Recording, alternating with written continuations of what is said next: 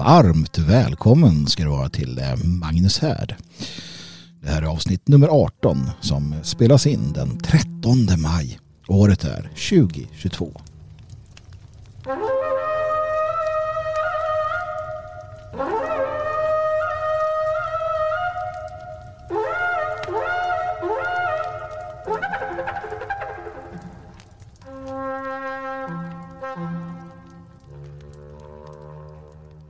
Ja men varmt, varmt välkommen är du kära, kära lyssnare. Gud vad kul att få göra det här igen. Ha, avsnitt 18 är det. 18 veckor alltså sedan eh, härden drog igång och eh, jag måste säga att jag eh, har uppskattat och tyckt om varenda sekund av detta. Det här är lite grann det, det roligaste som finns eh, när det kommer till vad man gör på, på dagarna i eh, jag, jag, kallar inte jag kallar inte det jag gör för ett jobb. Jag kallar det för en, en, en ynnest, en välsignelse. Ehm, det här att få, få arbeta, få arbeta med det jag gör. Ehm, det är det, är det bästa som, som finns. Det känns verkligen som att man, eh, att man gör något, att man gör skillnad, att man gör nytta. Och eh, det, det, det ni gör när ni stöttar, när ni hjälper till, när ni korresponderar, när ni skickar in eh, frågor eller donerar eller, eller så. Ja, och när ni tar med det som sägs här eller i andra utav våra, våra poddar eller vad vi gör. När ni tar med det eh, och använder det i era liv så att era liv blir bättre. Så att det ni gör får mer genomslag. Det är som en, en, en vacker dans som vi har tillsammans. Och eh, för mig är det här återigen som jag säger då det, det kanske det bästa jag, det bästa jag vet. Va? Och jag är glad. Jag är vansinnigt glad ska jag be att få tala om också. Jag vet inte om det, om det är jag eller om, om människor är så. Ibland när, när någon form av lycka drabbar en, drabbar, det kanske är fel ord att använda, men när saker händer som gör en extra glad eller som gör en extra uh, man kommer igång ordentligt, att, att det händer saker. Mycket av ens liv är ju slentrian, det blir ju så. Och, och när det... Och ganska mycket jämmer och elände också ändå, blir det ju. Eh, så när, när väl lyckan då eller så dyker upp och, och man känner att nu, nu händer någonting här som då känner man nästan att, man, att det är oförtjänt. Va? Man känner så att men, får, man, får man vara så här glad? Får man vara så här pirrig? Får man vara så här? Med tanke på allt som händer och så. Det kanske är ett tecken på att man är en ganska trevlig människa. Ändå. Ja. Men så är det i alla fall. Och jag tänker nog, eh, jag tänker nog ändå sticka ut hakan här lite grann och säga att ja, eh, du får vara glad. Du får vara lycklig. Eh, du ska sträva efter det. Världen har nog med bördor som man får bära.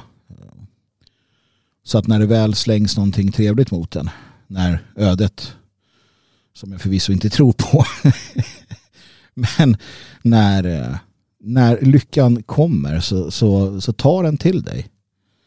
Njut av den. Låt den eh, omfamna dig. Även om världen är som den är. Även om mycket elände händer så jo, du har och jag har faktiskt rätt. Ja, det har vi att eh, sträva efter. Försöka uppnå att njuta av lyckan när den kommer. Rubriker, rubriker och åter rubriker. De omger oss, de är överallt. Och jag tänker att eh, jag ska passa på här att gå igenom några, att titta närmare på några. Eh, två stycken faktiskt som har eh, under veckan då gett mig lite grann att tänka på fundera över. Bland annat en eh, text av eh, Jenny Nordberg i eh, Amelia, Expressen Amelia. Under rubriken Kvinnor måste få prata öppet om att ångra sina barn. Ehm, och ingressen är då varför ska man som kvinna och mamma inte få prata öppet om att ångra sitt moderskap? Ja, jag såg kanske den, det starkaste svaret på denna fråga var en bild på Twitter. En bild på en arm. Eh, en arm som uppenbarligen bar minnen, R som minnen utav eh, som, som vederbörande som publiceraren skrev då som svar på det här. Eh, där hon berättar att hennes mor öppet förklarade att hon ångrade att få barnet. Vilket gjorde att barnet ägnade sin barndom uppenbarligen åt självskadebeteende. Alltså att skära sig själv. För att som, som hon skrev då, mamma eh, försatt försatte inte en chans att eh, berätta eh, för mig att hon ångrade sitt, sitt barn. Och det där är ju ett ganska starkt vägande argument. Jag tror till och med Jenny Nordberg någonstans skulle säga att ja, det jag menar är ju inte att du ska sitta och säga till ditt barn att du ångrar eh, honom eller henne. Utan snarare att kulturtanter eh, ska kunna sitta i offentligheten och skriva långa haranger om hur de ångrar sina barn. Det vi ser nu oftast är ju äldre kvinnor som ångrar att de inte fick barn. Men eh, det kan vara som det är med den saken. Jag menar att du såklart ska ha rätt att prata om detta. Det är klart att eh, du, du ska ha rätten rent lagtekniskt att skriva om att du ångrar dina barn. Men jag tycker att det är ett eh, till och med kanske det kan vara bra. För att då signalerar du att, en, att du är en människa man ska undvika. Och, och det finns naturligtvis eh, grader här. Det är väl ingen förälder som inte vid något tillfälle har tänkt Gud, varför? Herregud, en sån där babyklapper de har i Tyskland, det vore rätt skönt att stoppa in ungen i den. Men de tar inte emot tonåringar. Eller för den delen yngre barn. Så sett. Men uh, det, det, är inte det det handlar om heller utan det handlar ju om liksom intellektuella utläggningar om, om uh, moderskapets uh, liksom ångest eller, eller vad det kan tänkas vara. Sånt som kanske hellre skulle tas upp på terapitimmarna eller något. Jag menar att, att ett samhälle bör akta sig för vad man framhäver i debatten. För att det skickar signaler. Nu kan man tycka att kulturtanternas eh, haranger på, ledare, ledare på kulturdebattsidorna i, i veckopressen kanske inte påverkar så många, men det påverkar mer än vi tror. Det, det är därför man lägger tid på kultur. Kultur påverkar långt mycket mer än vad någon vill tro egentligen. Det är de själva som vet om det. Vi vet ju om det. Men de flesta vill eh, inte göra gällande att kultur på det sättet räknas eller påverkas. Att, att samhället påverkas. Men kulturen finns där. Alltså vi har rasen. Rasen skapar kulturen. Kulturen eh, influeras av yttre influenser. Om ett samhälle om ett samhälle konstant uh, lyfter fram, som den har gjort nu i, i många år, uh, i offentligheten lyfter fram och, och framhäver sånt som mödrar som ångrar sina barn, uh, texter som jag, jag, jag skilde mig från min man, nu är jag en knullmaskin, vilket jag har läst i i någon av de här kvällspressentidningarna. Etc. etc. Aborten ångrar jag inte, jag, jag blev fri från en börda och så vidare. N när, när det är det som konstant då kablas ut så får du en, en, en dödskultur. Du får en, en, en kultur som är negativ. Som, som splittrar människor, splittrar känslor. Det är inte en kultur där man, där man söker samstämmighet, samhörighet, kärlek eller, eller läkande mellan människor. Tvärtom. Och det är väldigt centrerat kring jaget. Jag, jag, jag. Och att, att dra lans för detta. Kvinnor måste få prata öppet om att ångra sina barn. Det får de. Men de får väl också räkna med att andra människor säger emot. Jenny Nordberg kan ju inte hävda att man inte får prata om detta. För det får man. Men man får också räkna med att människor kommer säga att det där är en väldigt osympatisk ställningstagning du gör. Hur kan du säga så här? Och det gäller ju inte bara kvinnor som så att säga ångrar sina barn utan det gäller ju män i allra högsta grad. Men jag påverkas själv när jag ser sånt här. För jag tänker just på de barnen. Även om de är äldre. Som ser sin kulturtant till morsa sitta och skriva. Jag ångrar min barn. Jag ångrar att jag fick barn. För man ångrar ett liv. Man ångrar att man har varit en del av en skapelseprocess. Man ångrar en djupt, djupt andlig, religiös akt man, man ångrar sin, sin roll som skapare. Man visar en fullständig likgiltighet inför detta. Och man försöker få andra att känna likadant. För det är vad det handlar om. Jag skriver själv så kallad kulturtext med jämna mellanrum. Men den går ju ut på att förmedla naturligtvis mina uppfattningar och stöta och blöta dem. Men men i, i hög grad naturligtvis också att, att få den som läser att sympatisera med mig. Så det är vad de gör. Det är vad det går ut på när man skriver om sånt. Och det är därför det är som det är. Det är därför vi har den dödskulturen vi har. Det är därför vi har alla de här äh, bekymren såklart. För att om texterna skulle handla om hur hur man kanske kände att det var jobbigt men hur man överkom detta. För det gör vi ju. Att man, att man äh, pressade på, tog nya tag för att man, man, man ser sig, man inser sin roll som mor eller far.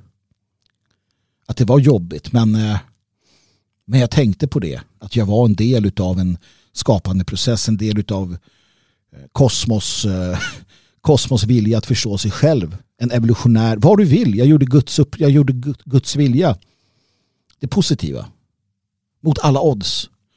Om vi skulle överskölja samhället med den typen av tänkande och texter och, resonemang då skulle vi få människor som strävar istället för människor som ger upp. Det är min övertygelse. Det är därför jag alltid avslutar med orden som att som att, att aldrig ge upp. För det gör man inte. Man ska inte göra det. Det finns det finns eh, lycka det finns vägar ut. Och de kommer inifrån för du har allt du behöver där inom dig. Om du känner ånger och uppgivenhet, om du har det jobbigt, då måste du ha någon att vända dig till. Om du har den här typen av kulturtantsånger inför dina egna barn, ta itu med den. Vänd den till att inte ha det blotta dig inte i offentligheten och, och häng ut dig själv och dem. Bara en dåre gör det. Menar jag. Nej, man har rätt att säga en massa dumheter i offentligheten. Men där har du ju inte rätten att eh, undkomma kritik eller undkomma att människor då faktiskt säger ifrån. Och säger ifrån Ja, det händer i vår värld. när, inte, när inte svensken som kollektiv gör det så gör i alla fall eh, andra varelser i detta och våra vägnar. Det kom en nyhet. Muslimska begravningsplatsen i Kallinge uppbökad. Är detta ödets ironi eller inte så säg. Jag läser vidare. Under söndagen upptäcktes att den muslimska begravningsplatsen i Kallinge hade förstörts. Gräset och jorden på och runt flera gravar hade bökats upp troligtvis av vildsvin av spåren att döma. Jag såg en kommentar som var det här var ju ironiskt men inte roligt. Men eh, ärligt talat, vi befinner oss i en situation en eh, situation som är allvarlig. Och jag vet att en del upprörs eller tycker att det är osmakligt när till exempel ukrainska försvarsdepartementet eh, publicerar lite putslustiga kommentarer om eh, ryska soldaters bortgångar. Men de inser en sak och det är att man befinner sig i krig. De inser att det finns människor i deras land som vill ta deras land ifrån dem. Som vill ta deras land ifrån dem och, och leva på deras arbete. Allt de har gjort och byggt upp. Och det finns det i vårt land också. Och ärligt talat, när det går illa för dem, då gläds jag. När de drabbas av sorg och, och hjärtesmärta, då är jag i, i, allt väsentligt eh, allt väsentligt oberörd. Ja, det är vi, vi eller dem. Det är vad det handlar om. Det är vad det gäller. Det är vad allt handlar om. Och jag har inte plats.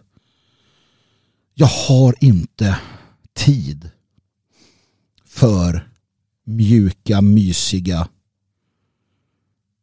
medkänslor för de som i akt och mening eller i tredje hand skadar mitt folk och mitt land. Jag har mycket empati för människor som lider i Afrika, i Asien, i Mellanöstern, barn som far illa. Allt sånt där har jag empati för. När det är inom ramen för den naturliga ordningen. Men nej, främlingar i Sverige. Om vi tittar på det kollektivt, om vi tittar på det utifrån detta perspektiv. Nej, det har jag inte. Och jag kostar på mig att le i mjugg.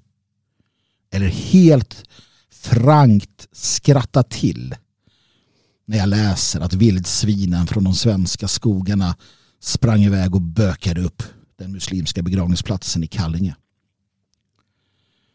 Ja, jag skrattade till. Jag skrattade gott. Ett sånt där riktigt hö-skratt ni vet som feministerna alltid blir arga över. Och jag kom att tänka på en annan berättelse från säkert 10 år sedan, 20 år sedan, jag minns inte, 15 år sedan. När eh, det kom en, en eh, artikel som handlade om att eh, muslimer, var det väl den gången också, Eh, som hade kommit till Sverige som så kallade flyktingar. Att de blev inkvarterade i någon eh, fin eh, sån här någon fin sån här, ni vet sån här herrgård eller vad det var, ett slott kanske till och med. Men de klarade inte av det, de var tvungna att fly i panik efter ett tag.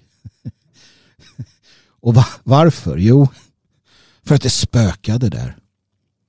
De blev eh, hemsökta utav andar. Spöken som ville dem illa. Och de blev livrädda så de flydde i panik under natten. Jag reflekterade över detta. Då, på samma sätt som nu, att när den levande svensken sviker så är det tur att det finns förfäders andar som eh, tar itu med saker och ting. Men det är ju pinsamt att det ska krävas. Det ska krävas spöken eller vildsvin för att eh, se till så att saker och ting blir som det ska. Lyssna till en saga om en kung som aldrig vek Sluta upp att bara klaga, gå till kamp mot list och svek. Ser ni ryttaren är på hästen, han med gult häng på blått. Hör hans ord som fallna fästen Fortsätt kamp har ni förstått.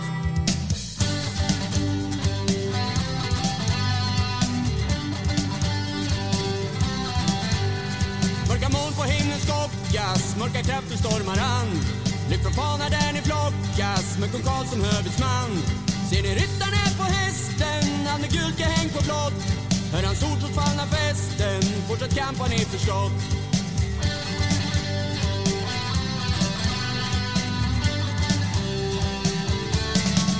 Och fortsatt kamp för gult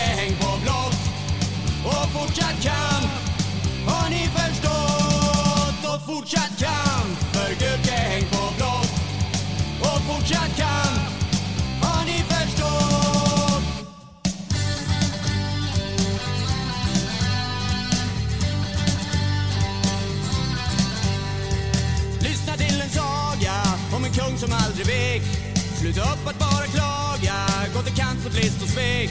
Ser ni ryttaren är på hästen, han med gult häng på blått. Hör hans ord trots fallna fästen, fortsatt kamp har ni förstått.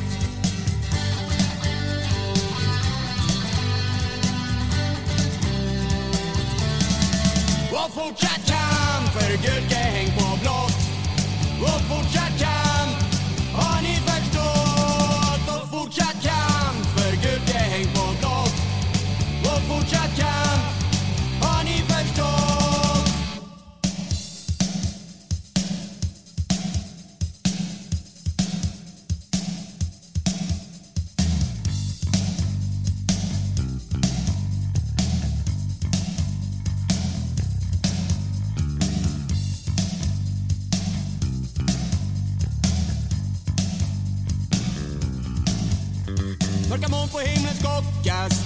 efter stormar han, Lyft fanan där ni flockas, med kung Karl som hövitsman.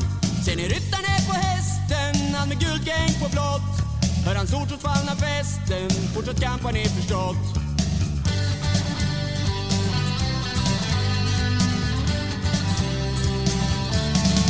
Och fortsatt kamp för gult gäng på blått. Och fortsatt kamp, har ni förstått? Och fortsatt kamp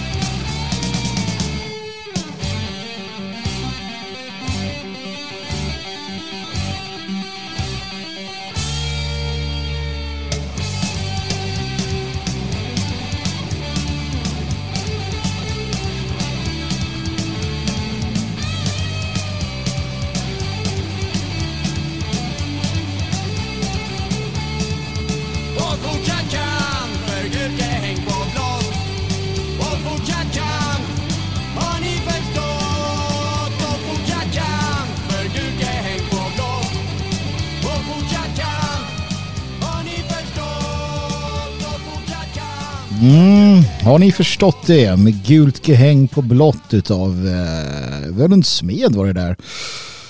Riktigt bra och musiken eh, är ju som sagt i samarbete med Midgård Records, Midgard Shop, M-I-D-G-A-A-R-D-S-H-O-P.com och Liberplay, liberplay.se där du kan lyssna på, eller streama heter det, eh, bra nationell musik. Eh, och det tycker jag ju naturligtvis eh, att du ska göra.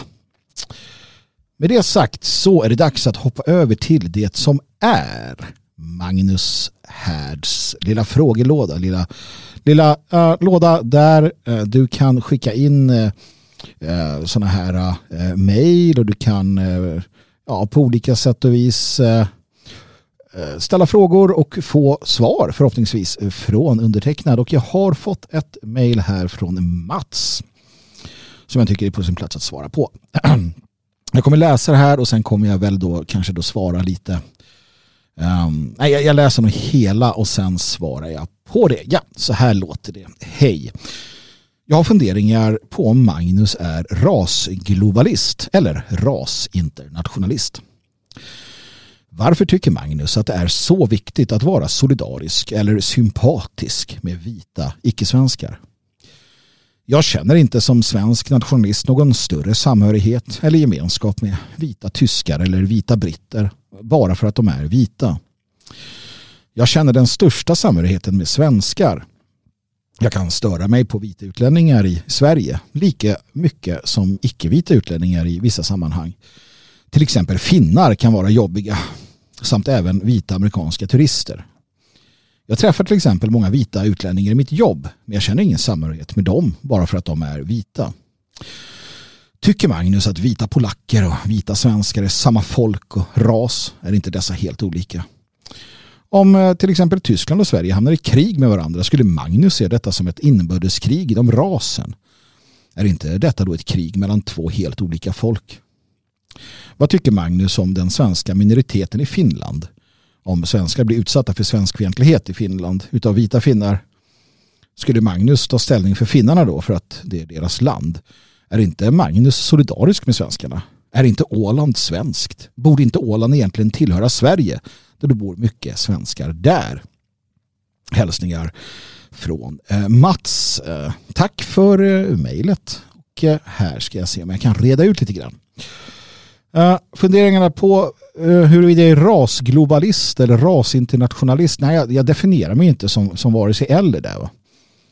Uh, det finns ju en massa sådana här epitet, pan-german och panarier och så vidare. Va? Men jag, jag, jag ser mig fortsatt som nationalist. Det, det är liksom den, den uh, definitionen som jag någonstans där har, har valt att iklä mig. Va? Så att nej, jag, jag kallar mig nationalist och sen får väl folk lägga lite, lite vad de vill i det. Ja. Och eh, det om, om de sakerna. Då. Men, men jag förstår ju att, eh, att, att din, din, eh, din fundering där är att lite beroende på hur jag svarar på resten så, så kan du placera mig i det facket eller inte. Varför tycker jag att det är viktigt att vara solidarisk eller sympatisk med vita icke-svenskar? Ja, här blir det ju en, en väldigt enkel, ett, ett, ett, enkelt svar på det är att jag har en viss jag har en viss sån här hackordning om du vill kalla det för det. Alltså, i första rummet så kommer min familj. Det är den, den, den första liksom gemenskapen som jag, um, som jag har och utgår ifrån. Min familj och i förlängningen också då familjen som inte är blodsband. Det vill säga eh, de, de, de fria svenskarna som har valt att ta, ta ställning för samma saker som jag som, som kämpar på. Svenska nationalister av olika slag och så vidare. Ja, och, och därtill eh, har jag ju en, en, definitiv sympati för andra nationalister som tillhör mitt, mitt eh, folk eller min ras. Men sen, sen är det ju för Sverige och svenskarna naturligtvis. Eh, Europa, eller ja, Norden kommer därefter, Europa och den vita västerlandet. Om man ska göra någon form av, av hackordning. Och, och, som jag brukar säga, att skulle vi bli skulle jorden så att säga bli attackerad av en främmande Eh, ras från rymden som vill förslå oss alla så är jag beredd att, att kämpa sida med sida med, med, med vilka människor som helst va, för att utplåna det hotet. Men det är klart att jag är solidarisk med, med eh, och för den delen sympatisk med vita människor. Jag, jag ser oss som en, en, en, ras eh, med ett gemensamt ursprung. Eller ser och ser, det är så. Ja, vi tillhör samma ras. De vita folken tillhör samma ras och sen så finns det kulturella och nationella skillnader, språkliga skillnader, men i grund och botten är vi samma ras, och samma ursprung, absolut.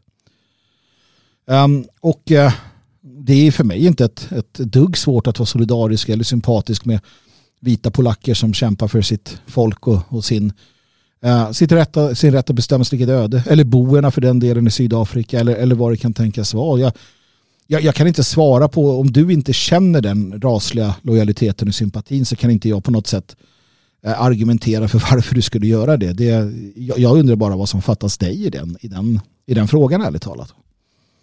Du skriver ju här att du, du som svensk nationalist inte känner någon större samhörighet eller gemenskap med vita tyskar eller vita britter bara för att de är vita. Nej, men jag känner ingen större samhörighet med eh, vita svenskar för att de är vita. Utan det är ju andra orsaker till att man ja, känner det. Så vi delar kultur, religion, språk ja, ja, eh, och, och, så vidare. Det, det är ju inte en, en, liksom själva rastillhörigheten som, som avgör. Jag kan ju definitivt känna professionell samhörighet med människor av andra raser som, som delar någon, någon professionell något professionellt intresse i de frågorna och så vidare. Men det är en metafysisk eh, och, och i, i, grund och botten gudagiven eh, eh, hårdkodning som gör att man som vit eh, eh, sätter de vita folken och den, den ras man tillhör som, som den som står en närmast.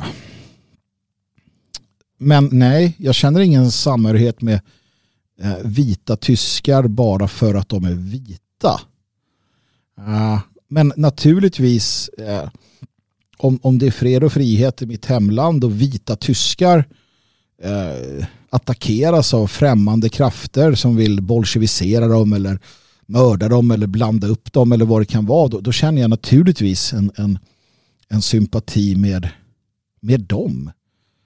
Det är ju inte så att jag är likgiltig då om, om, om en arabisk invasion av ett vitt land. Hur, hur, skulle jag, att jag inte skulle känna en, en enorm sympati och enorm empati och vilja att hjälpa. Det är ju helt, det är helt, ärligt talat, det är helt befängt kan jag tycka. Och återigen, jag förstår det inte. Jag förstår det inte. Ja. Och Däremot förstår jag att du kan störa dig på vita människor i Sverige som också är tyskar eller danskar eller vad som helst. Det, det, det är ju inget konstigt heller. Alltså, man, måste, man måste någonstans se skillnad på det individuella och det, det rasliga.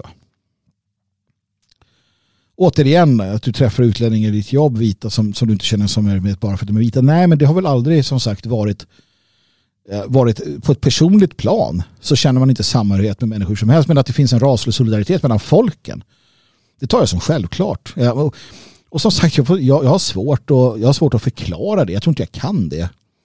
Eller på något sätt så försöka övertyga det jag kan bara konstatera att ja, jag känner definitivt raslig solidaritet.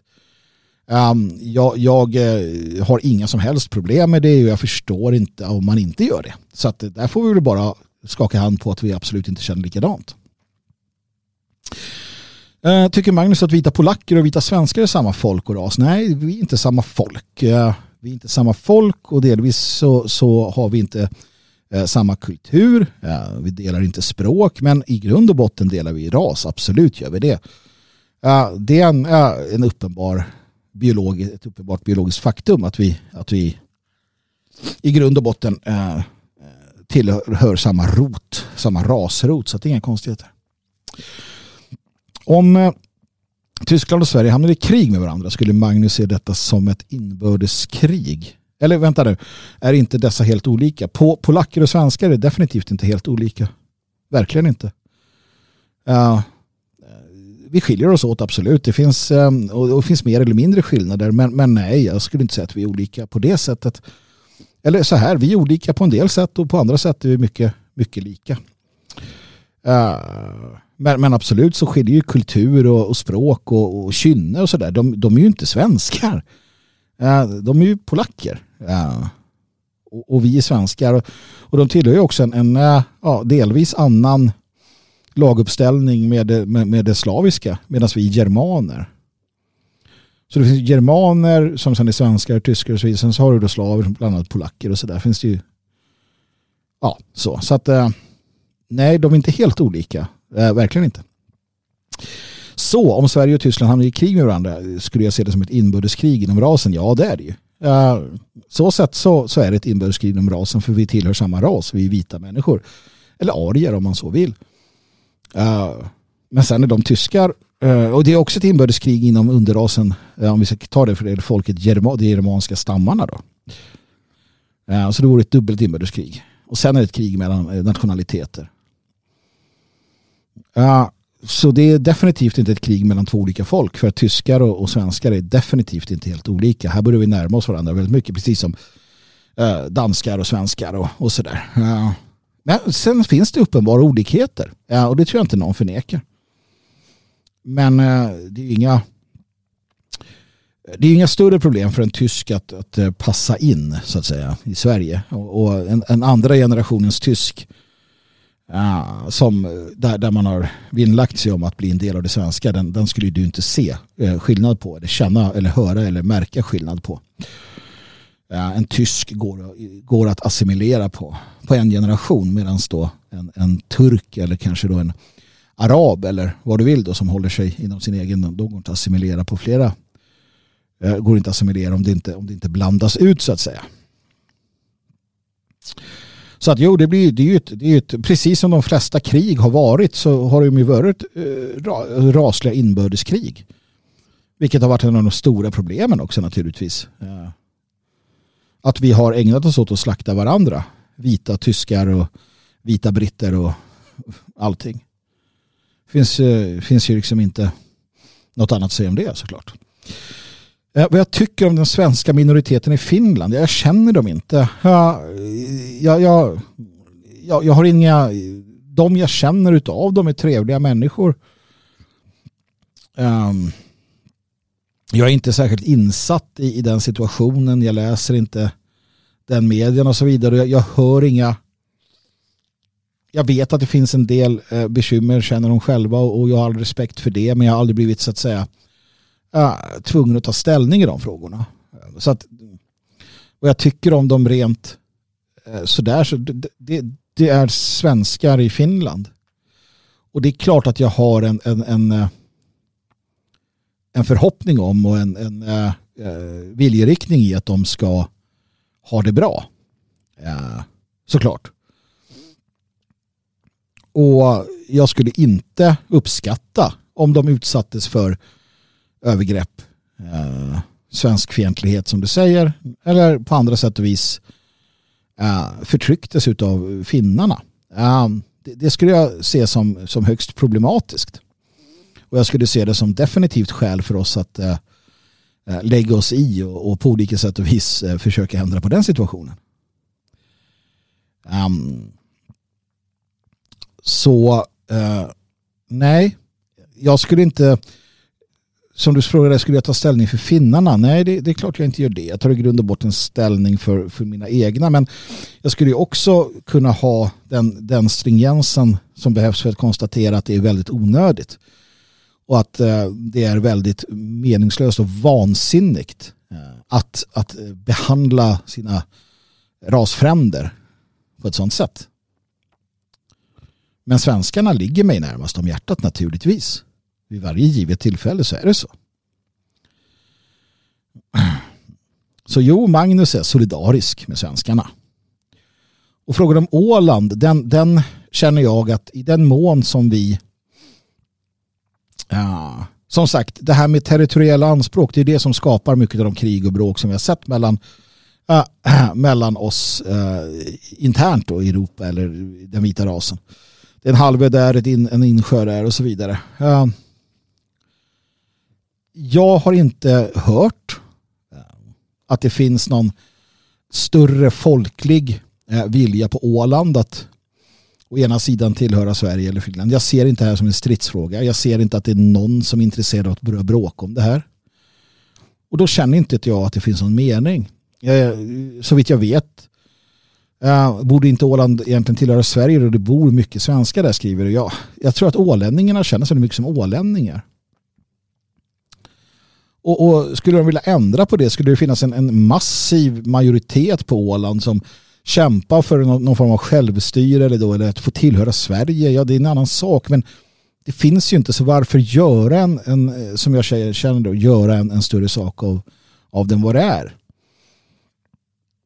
Ja, så att, eh, nej. Jag, eh, jag ser inte de här sakerna. Jag, ärligt talat tänker jag inte så mycket på det. Jag har det är så många hot som, som drabbar vårt folk. Ja, så många hot mot våra rasliga nationer. Att, att finnar och tyskar, att, att ens, någonstans att ens liksom att tänka för mycket på det för egen del i alla fall. Uh, gör, gör mig, gör, gör bara att jag, jag kan fokusera mindre på att få till stånd uh, eller arbeta för en, en, en förändring som gör det bra för, för våra, våra folk. Så att mm, nej, jag, eh, jag känner väl inte eh, det som du känner där helt enkelt. Utan, utan jag känner att det finns en att det finns en, en raslig solidaritet i grunden. Men sen så, så har vi ofta de här samtalen om, om vad är, alltså svenskheten. Och, och jag, jag brukar ju definiera uh, definiera det som att jag, jag, vill, jag vill egentligen bygga en ny stam. Som en ny stam i Sverige. Av fria svenskar. Eh, och, och, och, det blir på sikt ett eget folk såklart. Det där har hänt många gånger. Att, att det växer nya, nya stammar eller nya grenar på gammal stam med gemensam rot. Och det är så vi har det. Rötterna är ju den ariska vita rasen. Det är därifrån vi kommer. Inget mer med det. Stammen. Eh, stammen är ju de stammen utgörs av de, de folk som har liksom kommit dit under det och så har du germaner och slaver och lite sånt där. Och sen så då grenar som växer ut. Och ibland så är de lite blandade mellan ditten och datten och så vidare och ibland inte. Ja, jag tycker att det finns ett egenintresse att, eh, att, att, att bevara också då den, den intrarasliga unikheten, alltså de keltiska grönögda rödhåriga, rödhåriga eh, människorna eller eh, den, den blonda nordbon eller germanen eller britten eller walesaren eller polacken och så vidare. Absolut så finns det, så finns det en sån en, en sån förhoppning, en sån uh, uppskattning i grunden. Men, men jag ser ju inte det som det, det stora och avgörande detta nu. Sen, sen är det, jag, jag tror mig, uh, det är inte helt enkelt heller. Inte ens mellan danskar och svenskar eller norrmän och eh, svenskar. Det, det, är intressant att se relationer till exempel mellan olika vita folk som står varandra väldigt nära kulturellt. Där finns det saker som, som blir problem som inte finns i, i svensk, alltså när svenskar lever på samma sätt. Så att i grunden naturligtvis så har jag en, en, en raslig solidaritet. Och det, det, det, det, det, den, den är hårdkodad. Ja. Men vi har också utvecklats och blivit fler. Eh, olika stammar, olika folk, olika grupper. Men, men sen har vi också andra aspekter av detta. Till exempel att storstadsmänniskor uh, visar sig vara ganska lika om de så bor i New York, Moskva eller Stockholm eller Berlin. Det finns naturligtvis uh, skilje, alltså nationella skiljelinjer men, men uh, Homo urbanis, eh, groteskos, eh, är ganska lika va? oavsett om de är svarta, vita, blå eller gula. Så det skapas ju nya sådana här identiteter och nya spillror, eh, nya stammar på olika sätt och vis. Och det gör att det hela inte är alltid så enkelt kanske. Och där blandas ju sen då in då religion, språk, kultur, eh, ideologi, världsåskådning, eh, livsfilosofi.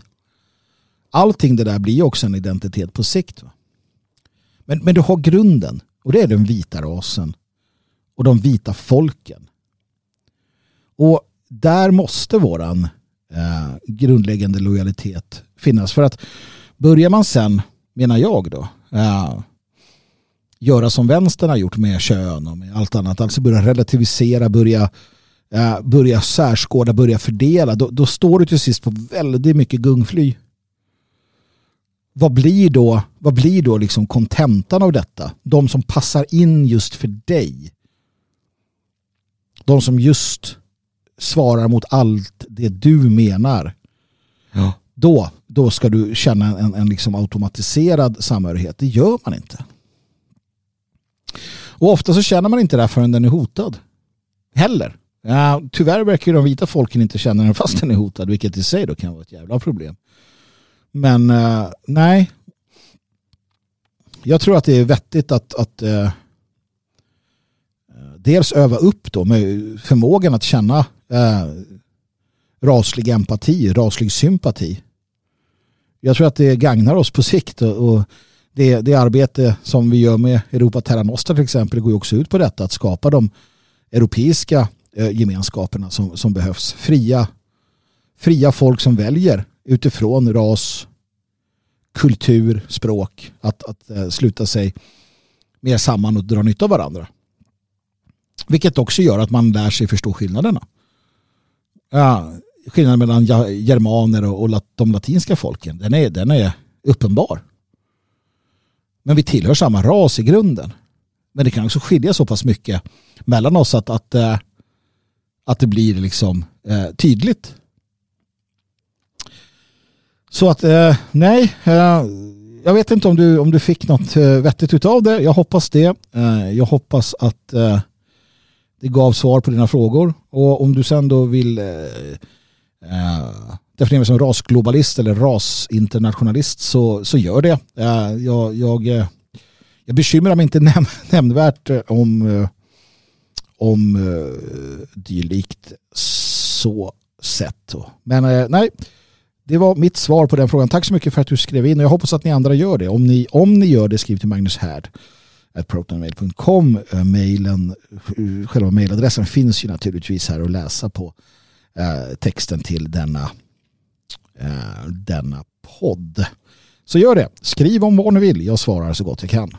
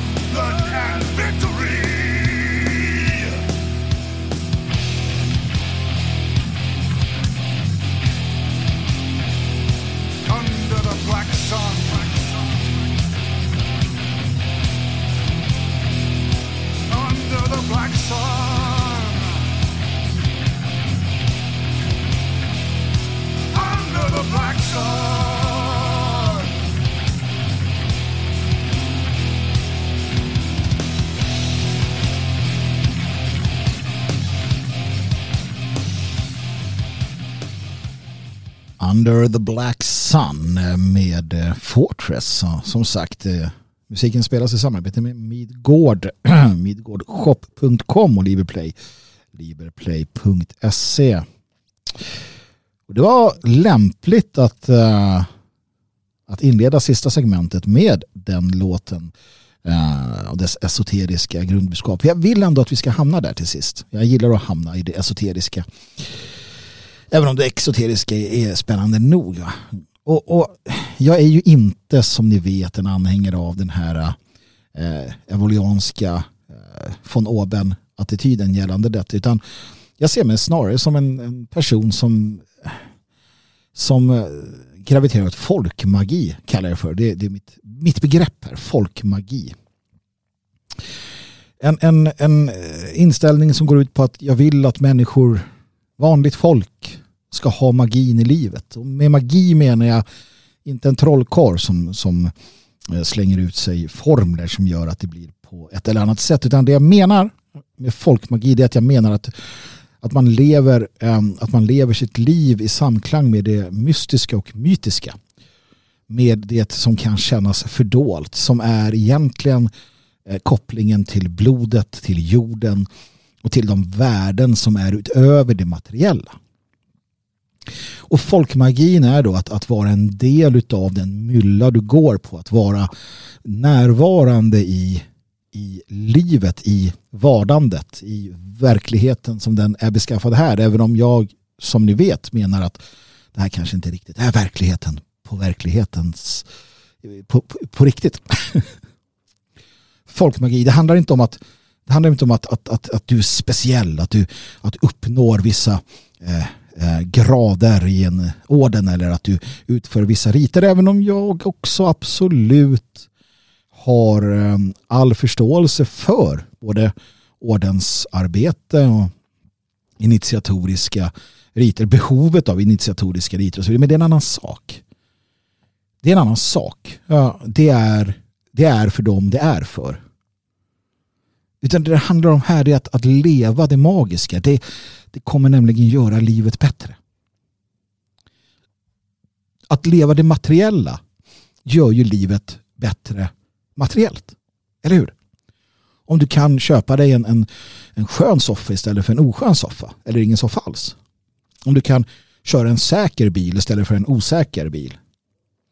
Om du kan äta bra näringsriktig mat istället för inte. Att leva materiellt gör ju att det materiella blir bättre.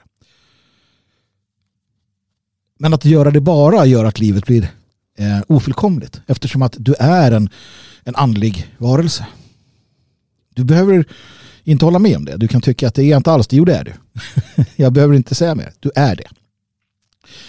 Och att leva det magiska livet, att leva folkmagin, det är att, att se. Är att fokusera, det är att på djupet uppleva saker. Du kan göra saker på olika sätt nämligen. Ja, och, och det är det här jag vill komma till någonstans. Jag har ingen, ingen färdig eh, jag har ingen färdig eh, meny för dig att beta av eller en, en lärobok eller någonting. Det, det, är inte det utan, utan det här är mina tankar på det här ämnet och det, det handlar om just att hitta det magiska i, i det vardagliga. Folkmagi således. Om du tar en promenad så kan den antingen vara en promenad. Du går från punkt A till punkt B av ett skäl. Och det är inget fel med det. Det är den materiella, eh, det materiella närmandet till promenaden. Men den kan också vara någonting mer. Om du inleder det hela med att fokusera, att låta tanken så att säga bli en del av planen. Du bygger upp en förväntan, du, du skapar en mental plan över vad du ska göra. Du låter sinnet vara med, du fokuserar. Och när du promenerar så låter du sinnet vara med. Du, du, du fokuserar på det du gör, det du hör, på känslorna som kommer. Det kan vara sensatoriska känslor, att du går barfota på en äng, att du känner eh, gräset eller jorden eller vad det kan vara. Det kan vara fåglarnas kvitter, det kan vara solen som värmer. Men att du är medveten om det, att du försöker vara medveten om varje bit av det. Att du försöker känna dig som en del av den helheten som du är en del av, vare sig du vill det eller inte. Helt plötsligt så, så upplever du fler saker. Fler sinnen kopplas in, fler känslor. Och det är här jag menar med folkmagi. Det här är sånt som ingen, eh, liksom, inget hemligt sällskap kan kan, kan, kan ge dig. Det här kan du ge dig själv. Skapelsen ger dig detta om du uppmärksammar det. Om du sätter dig vid en eh, gammal kraftplats och, och, och eh, lutar ryggen mot en sten som någon förfader för länge sedan reste där. Så, så kan du genom blodet och fantasin kommunicera. Jag säger inte att det är nödvändigtvis så att, att, du, att du kommunicerar med en ande. Det är inte det jag säger utan att, att du med kraften i blodet, med den de facto eh, blodsmagi i sådana fall som finns i successionen i Sangreal, det rena blodet, det kungliga blodet. Fokuserar på detta och låter det tala till dig. Vid de tillfällena så, så får du en förstärkning i kopplingen. Du får känslan av stenen mot ryggen återigen om platsen du är på. Det, det är vad jag menar eh, folkmagi. Samma sak gäller träningen din. Ett, ett besök på gymmet kan vara ett besök på gymmet. Eller så kan det vara ett tillfälle att koppla dig till din kropp, till ditt tempel. Om du tittar på religionerna, din kropp är ditt tempel. Inte att du dyrkar din kropp som en gud. Utan att du eh, kopplar sinnet till kroppen, till handlingen, till, till vad du gör. Och det blir folkmagi, det blir magiskt. Ah, Yoko Mishimi skriver om detta i, i eh, Blod och stål. Bland annat en, en, en, uts, en, en utveckling kring det här. Hur han reflekterar, vad han reflekterar kring, kring sin kroppsbyggning. Och det här gäller egentligen alla saker som, som också vi kallar för vardagliga. Jag menar, i, i, i umgänget med, med sina barn, att låta leken ha ett magiskt inslag i att den där fokuserade närvaron kommer. Där man reflekterar, där man, där man planerar, där man medvetlig gör saker som ligger på djupet. När du arbetar, skriver, tänker vad den är, att du har medvetenheten. Att du, att du då och då tillåter det magiska att träda in. Eller naturligtvis i det sexuella. I relationen med eh, din partner, din man eller hustru. Att sex kan vara bara sex. Och det är inget fel med det. Men det kan också vara så mycket mer om man tillåter det. Om man, om man, om man vågar eh, göra det. Medvetenheten, närheten, det sensatoriska återigen. Och det är det som berikar ditt liv. Om du vågar att leva, inte bara eh, materiellt, utan att du vågar leva spirituellt eller andligt då, i det fallet. Och det är ingenting som är konstigt. Det handlar om närvaro, det handlar om fokus, det handlar om att, att vara där det händer. Och att koppla det till dig själv som en del av en ras, ett folk, en natur, en värld, en, en, eh, en plats på jorden, en plats i tiden. Vad har du att förlora? Man vill inte att vi ska göra detta. Man vill inte att vi ska ha de här känslorna.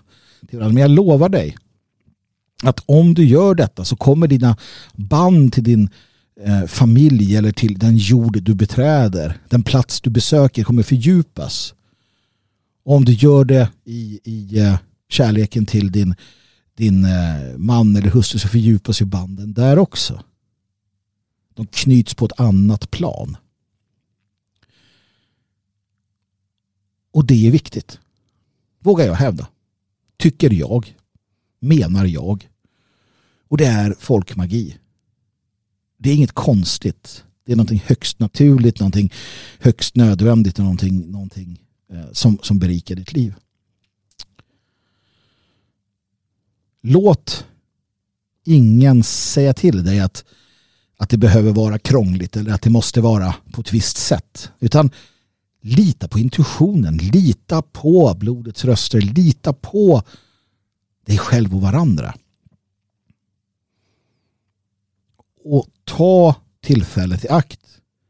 Den gåva som, som det är, den välsignelse som det är att, att vara de vi är.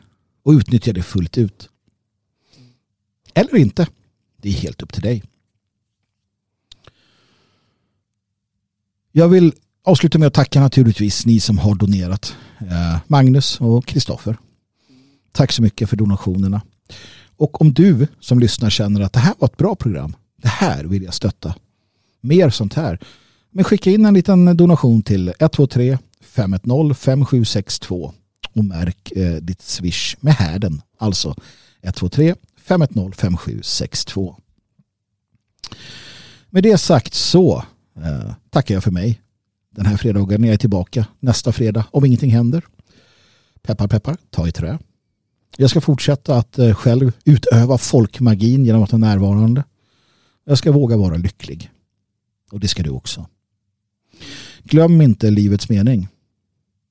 Slåss med troll. Befria prinsessor. Döda varulvar. Det är att leva det. Sist men inte minst. Ge aldrig upp.